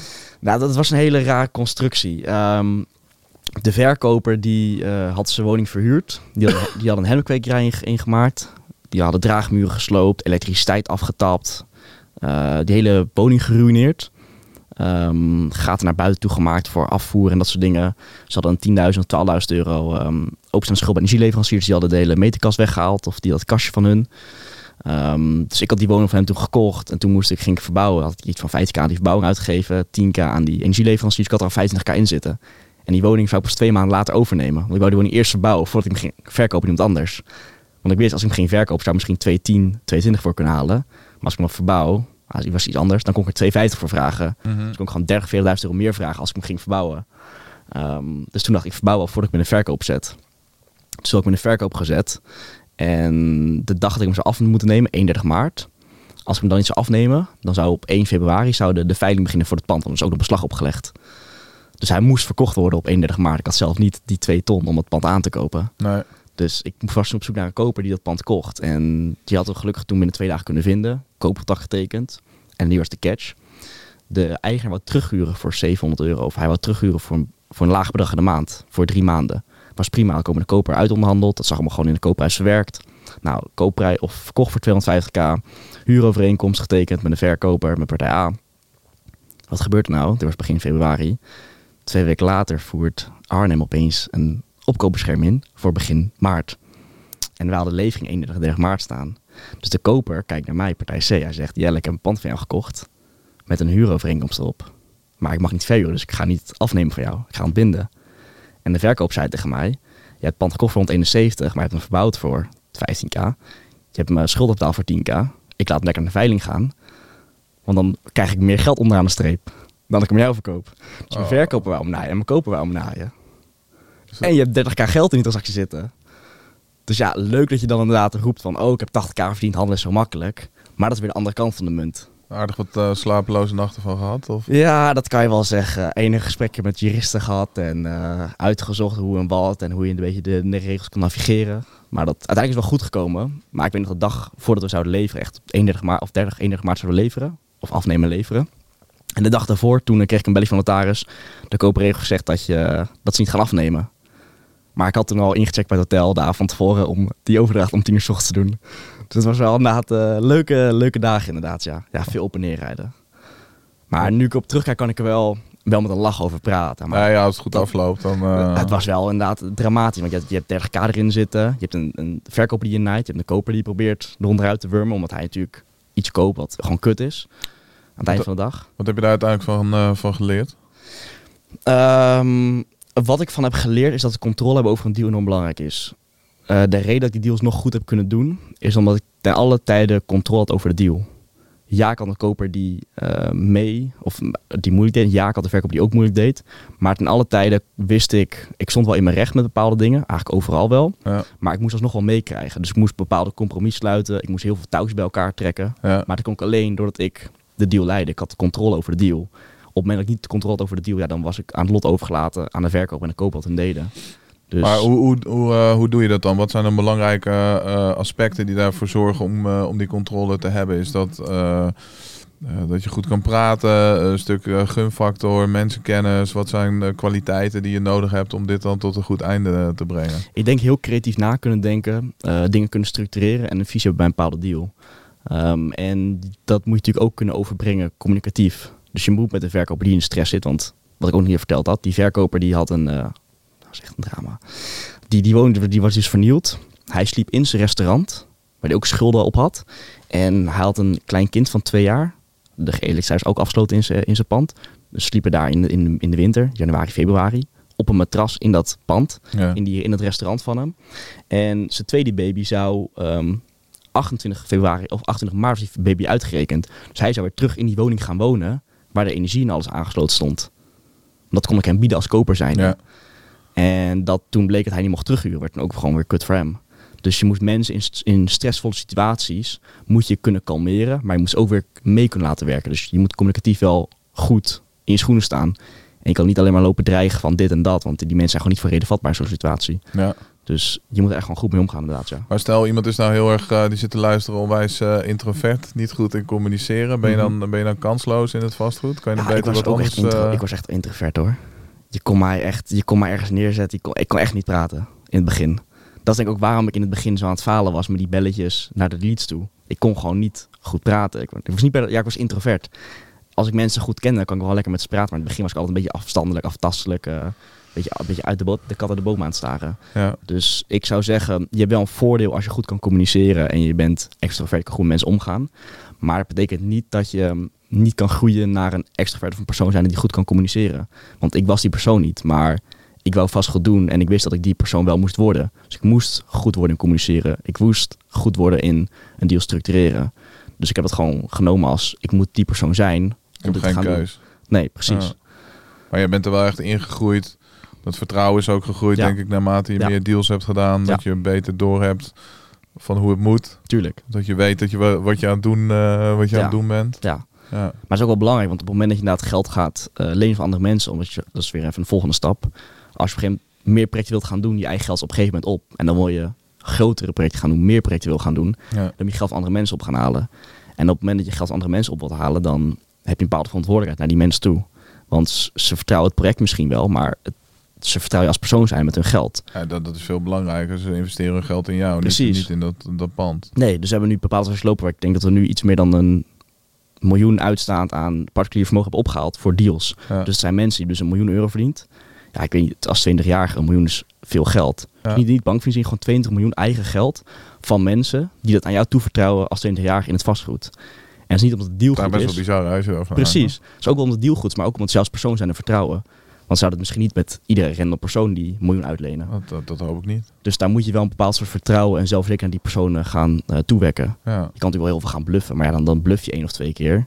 Dat doe je misschien goed en een keer doe je het fout en dan ben je gelijk je reputatie kwijt. Maar hoe, hoe verklaar je dat? Dat mensen dat bij jou dan eh, dat geld eh, eh, toevertrouwen? Heeft die Instagram-pagina daarin meegespeeld? Dat je mensen ook meeneemt in jouw reis? Dat je dat zichtbaar maakt? Dat je nu in een podcast zoals deze zit en er open over praat? Mhm. Hel- Helpen dat soort dingen? Of, hoe Dat is een goede vraag. De, de grootste kapitaalstak die op dit moment achter me heb staan, die heb ik niet, die wist niet eens dat ik Instagram had. Die weet tot, tot de dag vandaag niet dat ik Instagram heb. Dat ga ik ook niet vertellen, want hij is daar, als, hij, als, ik, dat, als ik dat naar hem toe zeg, ik, ik heb wel een goede band met hem, ik kan wel echt veel met hem lachen. Ja. Maar dan zijn we denk ik wel een beetje lachen, een beetje dolle en zo. Dus hij weet dat niet. Maar ik heb wel mensen leren kennen vanuit de Instagram die inderdaad zeggen... Zeg nog, ik had gisteren nog gesprek met iemand. Die zei, ik heb miljoen over mijn panden zitten. En ik heb eh vijf ton aan cash tegen cash op de bank. En ik heb wel panden gedaan, maar ik weet niet inderdaad hoe het werkt met hypotheken, ehm, vergunningen en dat soort dingen. Dus kunnen wij samen die panden gaan aankopen. En die connectie heb ik dan wel weer opgedaan vanuit de Instagram. Eh, maar ik ben ook wel de Instagram begonnen om een platform op te bouwen, omdat ik weet, ehm, die, als je een bepaalde following hebt, daar kan je heel veel mee gaan doen. Een goed voorbeeld, twee maanden geleden we een pand in Soetermeer aangekocht. En ik had daar toen, ehm, ik had hem bij mijn eigen kapitaalverstrekkers gedaan, maar ik had niet zulke projecten met hun eerder gedaan. Dus hun hadden, die, hadden ze gezegd, dat doen we niet. Ja, prima dan. Ik dacht, ik gooi maar gewoon op Instagram. Ik had 2000 volgers geloof ik toen de tijd. Ik gooi hem op Instagram. Ik heb mijn deal, dit is wat die getaxeerd is, dat is de aankoopsom is. Ik heb 5.000, 6.000 euro nodig, wie wil samen investeren? Moet jij eens raden, ik van 2000 volgers die ik had, hoeveel mensen een DM stuurde met ik heb interesse? Hoeveel eh, vroeg je? Eh 50, 60.000 euro. 50, 60k. 2000 Ehm, volgers. 2000 Op een story. volgers. Misschien 8, misschien 600, 700 mensen die story zagen. Ik weet niet, 20 of zo? 50 mensen. 50 mensen. Ja, dus Ja. ondertussen zit ik al bijna op de 3000 en is het mensen die de story kijken bijna verdubbeld. En dan heb ik nu nog maar 3000 volgers. Ja. Zeg als je 5000 volgers hebt, als je 30.000 volgers hebt, hoeveel mensen je Nou ja, dan dat, kan dat verklaart bereiken. meteen het succes van mensen zoals Grant Cardone en zo. Hè? Tuurlijk. Dat, eh, hoe zij dat doen, Ja. met het geld ophalen voor Ja. hun eh, investeringen. Ja. Ja. Maar het is ook wel, ik begon die Instagram wel met een eindvisie. Ik wist als ik een grote following had, mensen vonden het leuk wat ik doe, dan was het voor mij makkelijk om bepaalde deuren te openen. Als ik nu bijvoorbeeld die in Arnhem, ik kende geen enkele aannemer in Arnhem, maar ik moest binnen twee weken moest die badkamer verbouwd zijn. Ja, ik heb twee linkerhanden, ik weet niet hoe jou gaat, maar ik kan echt geen badkamer verbouwen. Nee, maar niet bellen. Nee, dus ik had een oproepje gedaan. Wie kent een aannemer die korte termijn in Arnhem eh, tijd heeft? Ik kreeg tien aannemers naar voren geschoven. Ja. Drie, of zeven mensen kon ik bereiken, drie mensen zijn er langsgekomen, één iemand kon het doen. Toch een aannemer kunnen vinden. Ja. Dus daarmee is social media wel belangrijk in het... Het opent gewoon veel deuren voor je, zou ik zeggen. Maar dat komt dus eigenlijk allemaal aan op, op, op netwerk. En een netwerk Ja. kan je opbouwen Ja. via socials en Ja. ook op andere evenementen. Ik weet dat jij ook naar echt, echte evenementen, vastgoed evenementen toe gaat. Dus, Ja, is gewoon een stukje social proof. dat- dat social proof, ja. ja. dus eh, je bent eigenlijk het merk Jelle aan het, eh, aan het bouwen. Ja, dat is wel, ja. Ik weet nog al, ik had hem voorgaand jaar zomer 2021 beginnen opgericht. En ik weet dat ik bij mijn eerste, bij mijn eerste netwerkborrel kwam. En, ik, en dat, die, die, ze, ze keken de presentatie daar binnen. En ik die deur open iets te hard, dus iedereen keek om. Iemand stond die zei, hey, is dat Jelle Laagstreepje vastgoed? En dat zou me echt altijd bijblijven. Ik had toen echt misschien 150 volgers of zo. eh. maar het was toen wel een beetje een grapje inderdaad. Dus dat, Ja. ja. Mensen kennen je er wel inderdaad van. Ja. Dus dat is wel, dat is wel leuk, ja. Ja, mooi om dat Ja. eh, te, te, te, te zien. Ja. Hey, ehm, hoe kijk jij op dit moment naar de vastgoedmarkt? Er gebeurt natuurlijk echt een hele hoop. eh, variërend van de rentes die door het dak knallen tot eh, onze vriend Hugo de Jonge die eh, van alles en nog wat bedenkt Ja. en, eh, en roept. Ehm, ben, je, ben, je, eh, ben je bang? Eh, zijn mensen die nog niet in het vastgoed eh, gegaan zijn te laat? zie je juist hele mooie kansen. Hoe, hoe kijk jij er tegenaan? Ja, ik denk dat ik in dat opzicht wel een beetje tegen de stroming inga. Waarom de meesten denken, die kijken dan nu, de rentes zijn hoog, Hugo de Jong, onzekerheid in de markt, zou ik nu wel moeten investeren. Maar ik kijk juist naar de andere kant. Ik zie juist heel veel meer kansen. En dan denk je misschien, waarom ben je gek? Want iedereen zegt, moet ik niet doen, waarom ga jij wel? Gaan we nu een soort van een basisquote aangeven? Wanneer er uh, Ja. blad in de streets is, dan moet je kopen. Ik, niet zozeer dat, dat ik dat een beetje, die, die standaard quote wil nagaan. Maar eh, wat je de afgelopen jaren ziet, eh, er is altijd een dynamiek tussen kopers en verkopers. Bij wie ligt de macht? Afgelopen jaren hebben de kopers of de verkopers hebben allemaal gehad. Ja, we Als zaten duidelijk in de verkopers. Precies, als ik tegen jou zei, Martijn, ik, wil twee, ik betaal twee voor je woning. Zeg Jelle, dikke vinger. Ik heb tien man die meer wilt bieden. Dus eh volgende dag verkocht voor 220. Dus ik had geen macht als koper zijnde. Want die geldkraan stond dusdanig ver open. Iedereen kon 2 ton, 210 lenen. Ja. Dus er is altijd een balans tussen het aantal deals wat er is, goede deals, en de geldkraan die open is. Afgelopen jaar was de geldkraan dusdanig open dat je alles maar kon aankopen en het rendement klopte, want het was een lage rente. Dus er waren helemaal geen goede deals. Iedereen kocht 220, ik bied 240. Ik heb sommige dingen verkocht waarvan ik denk, waarom bied je dat? Niet zozeer dat ik hem hoog te hoog verkocht had, maar meer dat mensen er meer op gingen bieden. En nu, dat die geldkraan dicht aan het gaan is, zijn er veel minder kopers in de markt. Waardoor jij als verkoper toch wat zenuwachtig wordt. Als ik tegen jou nu zeg, Martijn, ik wil twee ton voor je pand. Dan zeg je, ja is goed, ik heb geen iemand anders, doe maar. Maar dan zeg je niet, ik wil twee ton, ik wil 180k voor je pand. Ja. Dus ik kan als koper kan ik veel meer hardbal spelen dan jij als verkoper toe. Ja. Ik heb ook wel een aantal handelsprojecten lopen waarvan ik nu denk van, ja, ik had een, een, een aantal maanden geleden een bepaalde prijs in mijn hoofd. Als iemand me nu mijn kostprijs biedt, of iets meer dan een kostprijs, vind ik het prima. Omdat er zit gewoon veel meer ehm, rek in die prijs bij verkopers. Ja. Dus dat zie ik alle kanten bij mijn eigen handelsprojecten ook, maar ook bij projecten die ik zelf aankoop nu op dit moment. Dus eh, ik zie veel meer kansen omdat je als koper gewoon Je aankoopt voor je eigen Ja. buy-to-let Ja. eh, portefeuille. Gewoon lange termijn verhuur. Ja. Dat is ook wel leuk, had nog met Dennis eh, laatst over. Afgelopen jaar had hij ook niet, of ik weet niet hoeveel had aangekocht. Maar we hadden het erover, ik had voorgaande maand had ik nog twee woningen aangekocht. Hij had zei van, ja, ik ben ook weer, aan ik ben ook weer iets begon- begonnen met aankopen. De prijs is misschien nog wel wat hoger, maar je kon, je kon het gewoon scherp aankopen. Financiering kun je nog goed erop krijgen. Dus ehm, wij zagen twee op zich wel leuke kansen om aan te kopen. Nou ja, het, het spel is nu iets anders natuurlijk. Ja. Het gaat iets minder om die eh, maandelijkse cashflow die je overhoudt in de Mhm. maand. Maar je koopt wel in één keer een stuk vermogen. Ja, Dus als jij gewoon scherp aankoopt, waar je je winst maakt aan de voorkant. ja. En je weet eh, een go- een goede taxatie eh, te krijgen. Dan, Ja. dan kan je gewoon eh, ja, Ja. bijna blind tekenen. Daarom dus, want mijn werk bestaat, of mijn werk, mijn hele ding in het vast bestaat om deals te vinden, niet door te verkopen. Ja. Dus het aan deals komen is niet moeilijk. Dus ik kan heel veel biedingen doen. Dus als ik naar heel veel of naar 100 Martijns ga, zegt iedereen dat pand is 2 ton waard. Ik zeg tegen 100 kopers van Martijn, zeg ik bied 105, 160. Misschien dat 90k, 90 mensen zeggen nee. Misschien dat 10 mensen een beetje beginnen te lachen, maar twee zegt oké, ik heb wel interesse en dan kan je gaan, kan je gaan kopen. Ja. En dan bel je die andere 100 man bij over drie maanden gewoon nog een keer op. Ik bied nu maar 100, eh, 140k. Ja. Want ja, ik heb de tijd, ik hoef niet te kopen. Maar mocht ik een goede prijs vinden dat ik het waard vind om te kopen, dan vind ik het prima. Nou ja, alles gaat via jouw bureau. Dus jij kijkt echt wel naar elke deal die je eh, krijgt, elke lead die je hebt. Ja. Van in eerste instantie van is die super interessant. Alles wil ik gewoon hem zelf. Alles wil ik hem zelf houden? Ja. En als je hem niet zelf wil houden, als hij niet goed eh, genoeg Ja. is, maar nog steeds goed, Ja, dan, eh dan vast staat een beetje met de prijs inderdaad. Dus als het heel goedkoop aangekocht kan worden, dan kan je inderdaad zeggen, ik ga hem aankopen voor verhuur. Ben een kapitaalverstrekker op, kunnen het pand aannemen, ja of nee? Zeg hij van ja, op dit moment even niet. Nou, dan ga je hem bijvoorbeeld in handelen. Koop je hem voor 140 en dan probeer je hem door te voor 170. Ja. Maar als iemand al 160, 170 wil, dan verkoop je misschien gewoon door voor een fee. Dus afhankelijk van hoe laag je hem aan de voorkant kan krijgen, zijn er ja, mogelijkheden wat je kan doen met de deal. Ja. Handelen of verkopen of ja, verhuren. Ja. Ja, ik heb eh, laatst ook nog aangekocht in, eh in Snake, 100, eh, 140k, Precies. 140 vierkante Ja. meter. Eh, ik geloof bar 16,8% Ja, ik weet niet hoe je ze wil hebben, maar dan kan je zeggen, ja, de rente is hoog, het is duur, ik ga wachten. Of, ja. Ja. maar Maar ik ben ook mee eens, ik, ik verwacht ook wel dat, dat die prijzen misschien wat omlaag gaan. Maar ik weet niet of die met 10%, 20%, 30% omlaag gaan, dat weet ik niet. Ik weet alleen op dit moment kan ik een deal dusdanig aankopen dat het zonde is om te laten gaan. Als iemand tegen jou zegt, ik heb hier een Ferrari van 2 ton, die kan aankopen voor een ton. Ja, dat is wel gelijk om dat ding aan te kopen. ja.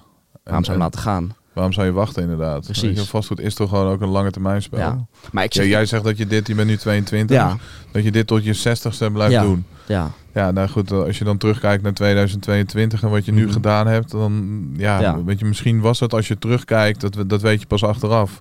Niet Ja. het ideale moment, maar Nee. ook de dollar cost averaging, waar, Ja. wat je zo vaak hoort in beleggen, dat kan je toch ook gewoon prima in het vastgoed toepassen. Maar ik zeg totaal niet van, eh, ik ga nu naar Funda toe en koop alles en zet er een torenhoge hypotheek op. Dat zeg ik totaal niet. Ik zeg alleen met de strategie wij doen, dat wij dingen goedkoper kunnen aankopen, neem maar iets minder risico. Ja. Dus ik zeg totaal niet van, eh, nu, moet je, nu is het tijd om alles aan te kopen. Want misschien dat de markt nog twee jaar gaat dalen en dan zit ik hier met mijn bek vol tanden. Ja, de markt is gedaald, nu heb ik gekocht, Jelle. Wat, eh wat Nee, dus sowieso is dit geen financieel Nee, advies, nee, Dus, maar dit is eh, meer gewoon- Altijd een disclaimer Nee. hierop. En doe altijd goed je eigen huiswerk. En kijk goed wat bij jezelf, bij jezelf past. Ja, Maar wij gaan ook niet roepen van ja, wacht tot het eh, perfecte moment in de markt. Want dat bestaat gewoon maar ja, eigenlijk wel. Wacht maar lekker liever. Dan is er minder concurrentie en dan kunnen wij beren uit het voet. Ik bedoel, als 100 mensen nu gaan bieden op een pand, ja, dan heb ik er concurrentie. Dat wil ik niet. Ja, Dus- ja, ik denk dat het eh, op dit moment eh, wel meevalt. Dat die concurrentie wel in ieder geval een stuk minder geworden is. Ik kan je een, een, een, een, een leuk verhaal schetsen van een, een, een project die we hebben gedaan. Ehm, als we het project voorgaand jaar op de markt hadden gegooid, dan zou die binnen een weekend verkocht zijn.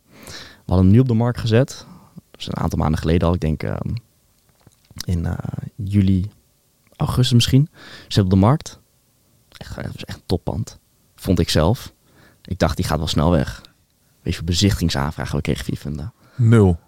We kregen twee aanvragen, ze waren Oh. alle twee gecanceld Eh, dan snap je toch dat jij als verkoper wat gemotiveerder bent om te gaan verkopen. Dus mocht een koper zich voordoen, ja, dan ben je toch veel geneigd om met hem een beetje balletje te gaan ketsen voor ja, de prijs. te gaan onderhandelen. Ja. Geleden kon het niet doen.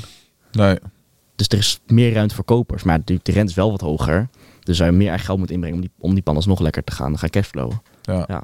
Nou ja, kijk, tuurlijk kan je wachten. Kan je nu zeggen van, want er zijn mensen die zeggen, ja, er zijn wel kansen en het wordt wel wat eh, goedkoper, maar de, de, de rente is, is, is Mhm. dermate gestegen en dat zie je nog niet eh, overal terug in de, in, in de verkoopprijs. maar Ja, verkopers zeggen ook natuurlijk heel erg nog steeds van ja, mijn buurman is verkocht voor 2,20. ik snap ik geen 20 kan krijgen, maar ik wil nog steeds 2,10 hebben. Ja, dan zeg ik ja, prima, succes, fijne dag verder. Bel mij maar, ik bel je over drie maanden alweer. ja, En dan bel ik me over drie maanden. Dan zeg ik, ik wil geen 2 ton bieden, ik wil nu maar 180k bieden. ja, En dan zegt hij, ja, wil je toch nog wat 200k reconsideren? Dan zeg ik, nee, ik wil nu maar 180k bieden. En dan, ja, als jij gewoon... Maar dat is wel ook het interessante nu trouwens wat je zegt. Hè? Want je kan nu dus wel degelijk als je van een gemotiveerde verkoper koopt, Mhm. lager aankopen Ja. al. En vastgoed echt eh sommige Tuurlijk. gevallen in de uitverkoop.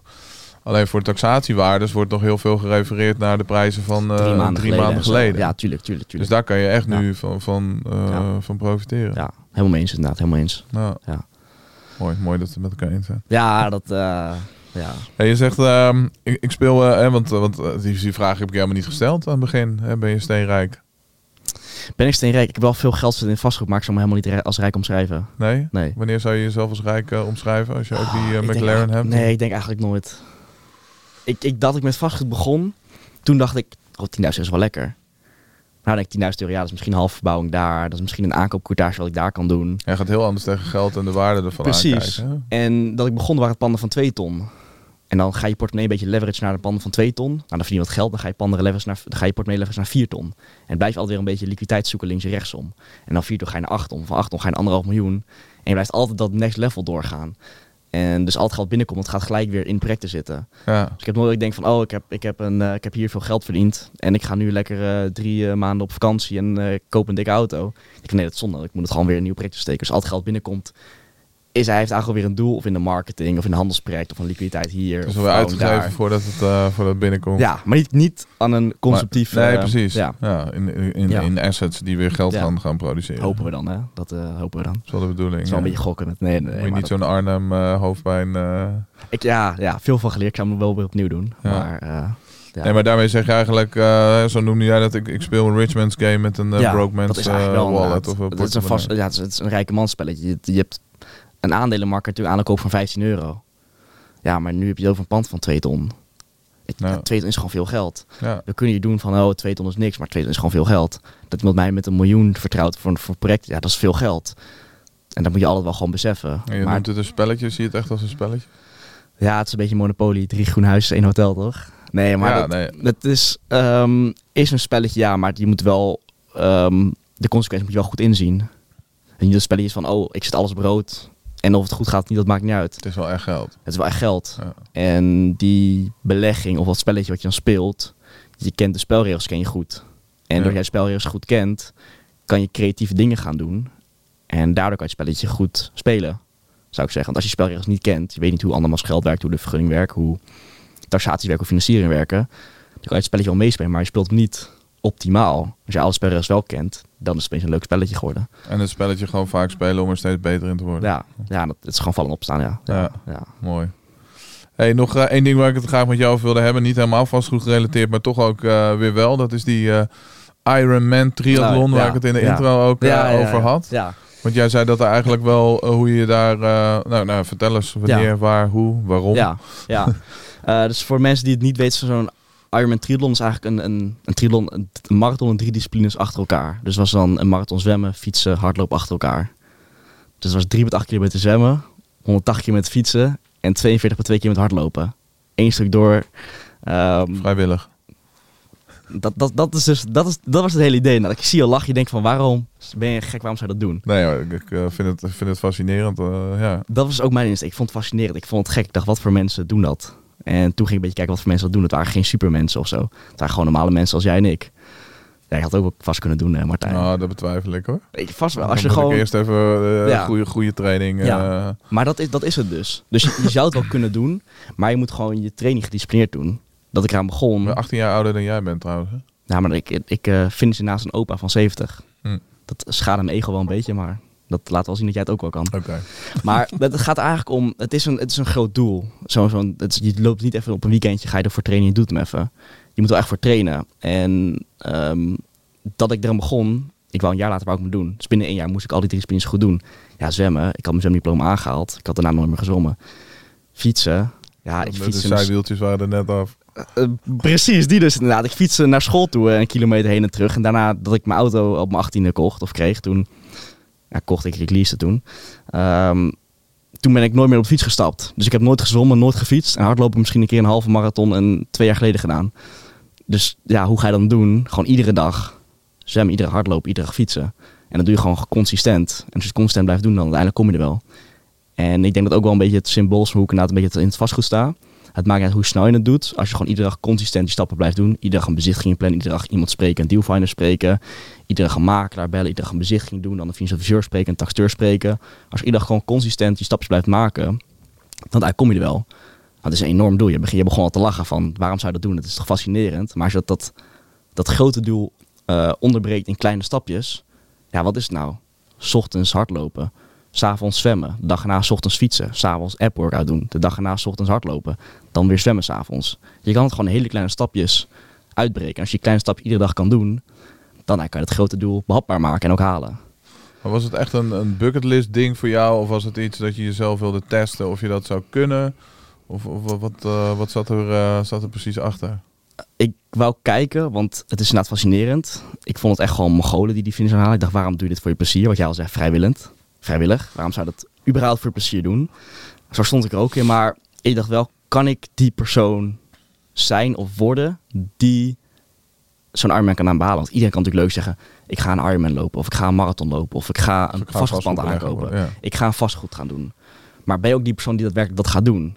En ik vroeg bij me af, ben ik daadwerkelijk die persoon die zegt wat hij doet?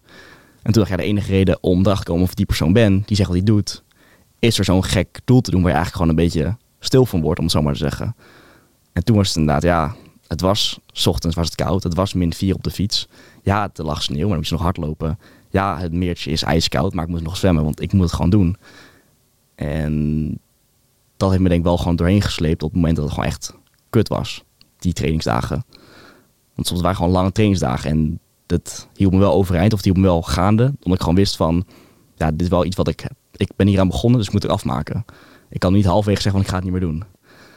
En dat is denk ik ook wel een beetje het vastgoed. Als je helemaal begint, je kan niet halverwege zeggen, ja, ik, ik stop het wel. Of ik ga volgende week nog een keer een bezichtiging doen. Of ik ga over een maand ga ik wel een keer iemand opbellen. Nee. Ja, dan gebeurt er niks. Je moet gewoon consistent en eigenlijk Ja, is dat de sleutel inderdaad? Dus dat dus heel veel mensen die... eh, ja, dat je gewoon consistent elke dag kleine stapjes neemt. Tuurlijk. Je, je kan zeggen, ehm, ehm, als jij bijvoorbeeld zegt, ik ga nu diëten. Ik ga het zodat je weer in januari, ik ga lekker diëten.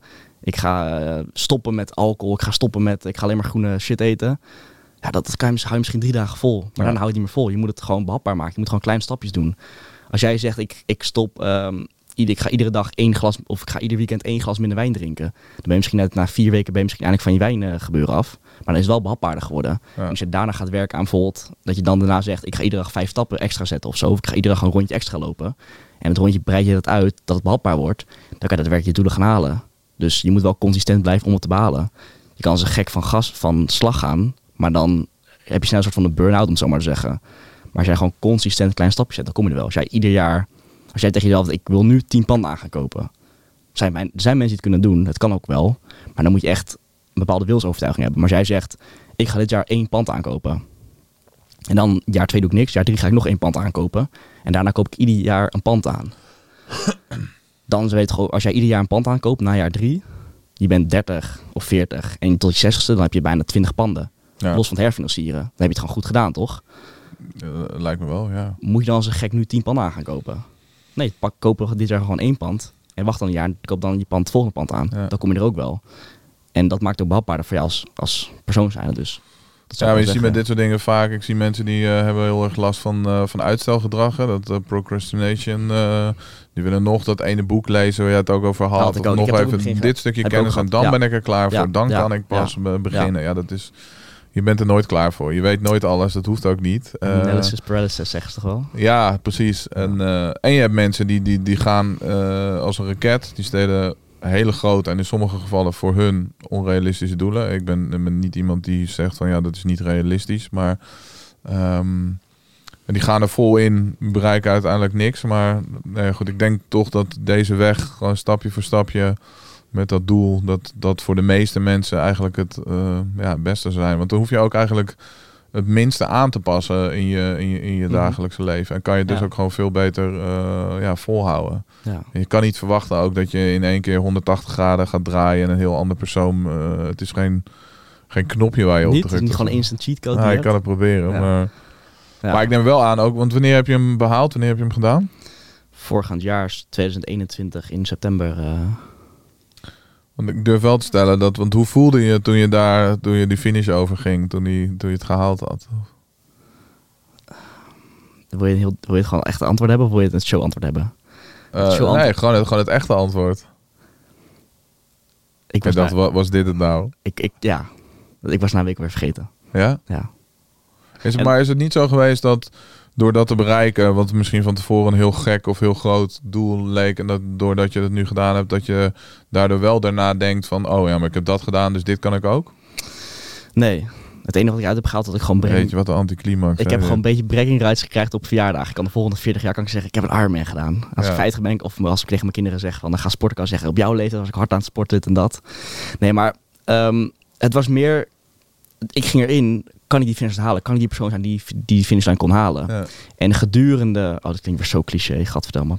Tijdens, tijdens het proces, tijdens die journey, realiseer ik me dat het niet zozeer gaat om de eindstreep, maar meer om de persoon die ik ben geworden tijdens het hele proces. Ja. Want ik heb letterlijk iedere dag om, vijf, om vier uur, half vijf werd ik wakker, ging ik twee uur hardlopen of ging ik vier uur fietsen en op zondag ging ik zes uur fietsen en twee uur hardlopen. Die persoon moest ik worden, die, gedis, die, ja, ik moest die discipline hebben om die persoon te worden, om die finish te behalen. En dan uiteindelijk op die dag zelf is het, ja, je hebt al honderden en honderden uren aan training erop gezeten. Die laatste dag was gewoon een beetje uitfietsen voor mij. En er zijn zoveel factoren waardoor je op die dag kon falen of falen. Stel je je band zou lekker raken. Of je zou je verstappen en zou vallen en je zou je, je enkel breken. Dan kan je die finish nou niet halen. Maar heb je dan je doel gefaald? Ik zeg nee, want ik ben alsnog iedere dag gaan trainen. En ik ben alsnog die persoon geworden die ik moest worden om het te behalen. Ja. En dat dan een klein misstapje fout gaat. Als ik, ik breek mijn enkels wel een grote misstap. Letterlijk en figuurlijk. Maar dan, eh, ja, dan heb ik alsnog mijn doel behaald. Dus dat ik daar waar ik die finishlijn overstapte. Het maakt niet heel veel me los. Want ik wist voordat ik die race al begon dat ik al de persoon geworden was die ik moest zijn eigenlijk. Ja. Oké, dus je was al die eh, Ironman, triathlonloper, je eh, was al die, Ja, ja, die winnaar ja. In mijn hoofd wel inderdaad. In je ja. hoofd. Ja. Ja. Had je dat ook dat moment wel afgespeeld in je hoofd van tevoren? Dat je, dat je hem uit zou lopen? Of, eh, Iedere ochtend dat ik aan mijn training begon. Iedere ochtend als die wekker gaat om half vijf ochtends, iets moet jou je bed uitslepen. En het enige wat mij mijn bed uitsleepte was, over een jaar of over een half jaar of over drie maanden, sta ik bij die, of bij die startlijn. Als ik nu mijn training niet doe, is er een kans dat ik mijn doel niet behaal. Dus ik kon, ik kon gewoon geen enkele workout skippen. Dat, ik heb geen enkele workout geskipt de eerste negen maanden van mijn hele, van mijn training. Want ik wist gewoon, als ik iedere dag iets... Want ik had een coach. Ik betaalde 50 euro per maand voor een trainingsschema. Ik wist als ik zijn trainingsschema volgde, dan zou ik het moeten behalen. Want iemand die het al meerdere keer gedaan heeft, hij is een coach erin. Als hij tegen mij zegt, doe deze stappen en ik doe die stappen, dan moet ik het wel behalen. Dat is geen één keer mogelijk dat ik, dat ik zou falen. Dus dat was een beetje mijn na ding. Dus iedere ochtend dat ik mijn bed uit ging, keek naar mijn workout schema en dacht, ja, kut, tering, ik heb geen zin in. Maar ik wist wel, ik moest die armen wel halen. Dus ik, ja, nu ga je een beetje het visualiseren en zo. Maar in mijn hoofd dacht ik, ja, ik moet die, die finish aanhalen. Dus ik moet mijn bed uitkomen en mijn training gaan doen. Dus dat was wel een beetje wat het eh, bij mij eh, losmaakte, ja. ja. Mooi. Hey, eh, jij wil graag ook weer even terug naar het vastgoed en het, en het deal source. Hè? Want je wil die graag dus ook die, die kennis overdragen Mhm. aan, aan Ja. andere jongeren of Ja. ouderen. Nou ja, wie dan ook. Want het is geen opleiding in Nederland die je kan volgen tot, eh Wel tot deal geprobeerd, source. Maar niet deze niet, nee. En dit tenminste niet op een school. nee. Eh, dit moet Nee. je echt eh, deels eh, van ja, moet je vooral in de praktijk leren, maar vooral ook van Ja. eh, mensen zoals jou die eh, dat eh, ja, willen, willen delen. Ehm, kan je daar wat over, eh, over vertellen? Hoe, eh, wa- wat je daarin precies leert, wat Ja. je precies doet? Ja, is eigenlijk waar het, waar het bij het begin te beginnen waar het vandaan kwam. Dat ik die keer begon, dan kreeg ik zoveel vragen van wat doe je nou precies in het vastgoed? En vanuit daar gingen mensen vragen of ik hun ook wou begeleiden erin. Hm. Ehm, en dat vond ik ook wel leuk om te doen. Waarom? Omdat ik begon op 16-jarige leeftijd. Ik wist niet waar ik moest beginnen. Wat jij al zei, je leest een boek. Moet, ik- moet ik nog een extra boek lezen? Ik moet nog een extra boek lezen. Ik had niemand echt die bij, bij mijn handen kon pakken en zeggen van dit moet je gewoon doen. Net als die coach bij de Ironman mij bij mijn hand pakte en zei van je moet deze training doen, dan kom je er wel. Uh, dus vanuit daar ben ik ook mensen gaan helpen om uh, ook eigenlijk te gaan dealfinden als, als jong. Ja, vaak zijn het jonge mensen die dat doen. Om ook te gaan dealfinden en dan het vastgoed in te gaan. Dus daar help ik ze bij. Uh, wat dan heb opgezet is een, een, een, een, ja, is een van drie maanden tijd. Hm. Ondersteund met eigenlijk 70 video's waar ik eigenlijk de camera aan heb gezet. En al mijn leerfouten over waar ik mijn hoofd tegen heb gestoten. Over waar ik mijn leergeld voor betaald of geld heb verloren. Allemaal eigenlijk opgenomen heb. En dat dan probeer uh, ja, die mensen ermee te helpen om dezelfde fout niet te maken. Ja. En uiteindelijk gewoon die praktijk in te sturen om hetzelfde te kunnen doen wat ik eigenlijk ook doe. Ja, ja. ja het is natuurlijk heel makkelijk voor jou, voor jou voor wie dan ook, om uh, je successen, je tuurlijk, successen tuurlijk, te delen. tuurlijk, maar ja. eigenlijk veel leerzamer en beter dat jij uh, nou, ja. die, die fouten deelt. Daarom. Je leert alleen de, de moment dat ik geld verlies, zijn pas het moment dat ik achter mijn oor ging krabbelen, wat heb ik fout gedaan om hier te staan. En als ik geld, als ik bijvoorbeeld 40.000 euro verdiende, dacht ik wel van, ja, het is wel leuk op mijn volgende project. Maar ik stond niet stil waarom ik die 40k verdient. Dus de pijnlijke momenten, die zijn veel meer symbolisch voor je leerlessen dan dat geld verdienen eigenlijk is. Het blijft interessant hè, dat je inderdaad niet denkt van, hé, hey, waarom heb ik die 40k nou verdiend? Maar als je 40k verloren had, dat je dan wel gaat afvragen. Omdat, wat, het, omdat het pijn doet. Het doet pijn. Ja. En als het pijn doet, gaan we pas gaan nadenken. Net als een klein kind, als hij zijn vingers brandt aan het fornuis. Ja. Dan gaat hij denken, oh, het is pijn, dat moet ik niet meer doen. Je kan tegen een kind zeggen, het fornuis, het fornuis is heet. Ja. Doe het niet. Maar als hij het nooit zelfs hand in heeft gestoken, leert het ook niet. Mooie metafoor, man. Mooie metafoor. Ja. Ja. Oké, okay, dus in drie maanden tijd uh, Ja. 70 video's en... Um, Nog één op één calls inderdaad, uh, groepscoaching erbij. Ja. Niet alleen te, uh, de, tijdens die drie maanden gaat iemand ook echt gewoon meteen al aan de slag. Ben je daarna ook echt gewoon... Uh, krijg je van jou een uh, certificaat voor boven je bed? Uh, nu ben ik een mooi certificaatje.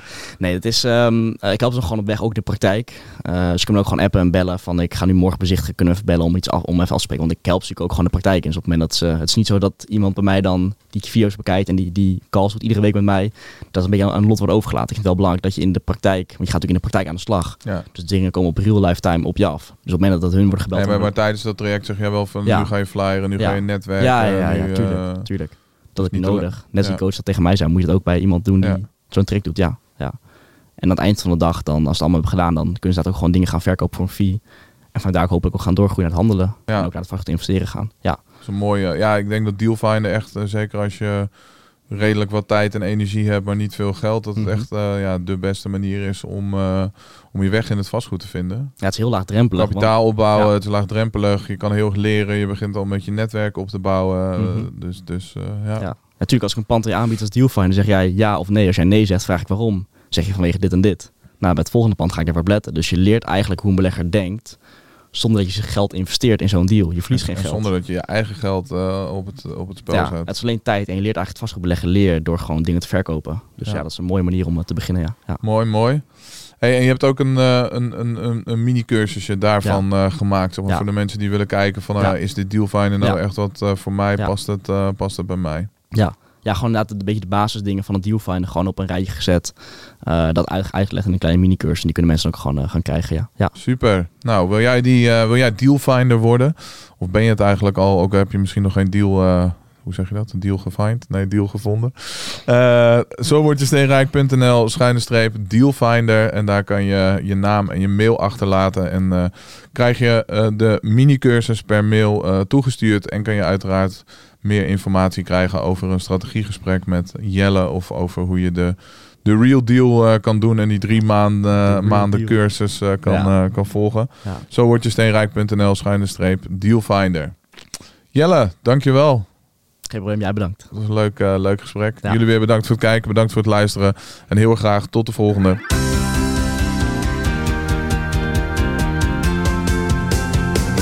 Dankjewel voor je tijd en je aanwezigheid. Superleuk dat jij bij deze podcast was. We hebben ook een website www.zowordjesteenrijk.nl. Daar kan je alle oude afleveringen terugvinden en terugluisteren. Je kan je abonneren op onze nieuwsbrief. En daarmee krijg je heel erg veel waardevolle financiële tips. En we hebben heel erg veel speciale acties en kortingen met onze gasten. En welke Nederlander houdt er nou niet van korting? Vergeet natuurlijk niet om je te abonneren op deze podcast. En dan zien we je heel erg graag weer volgende week bij een nieuwe aflevering van Zo word je steenrijk.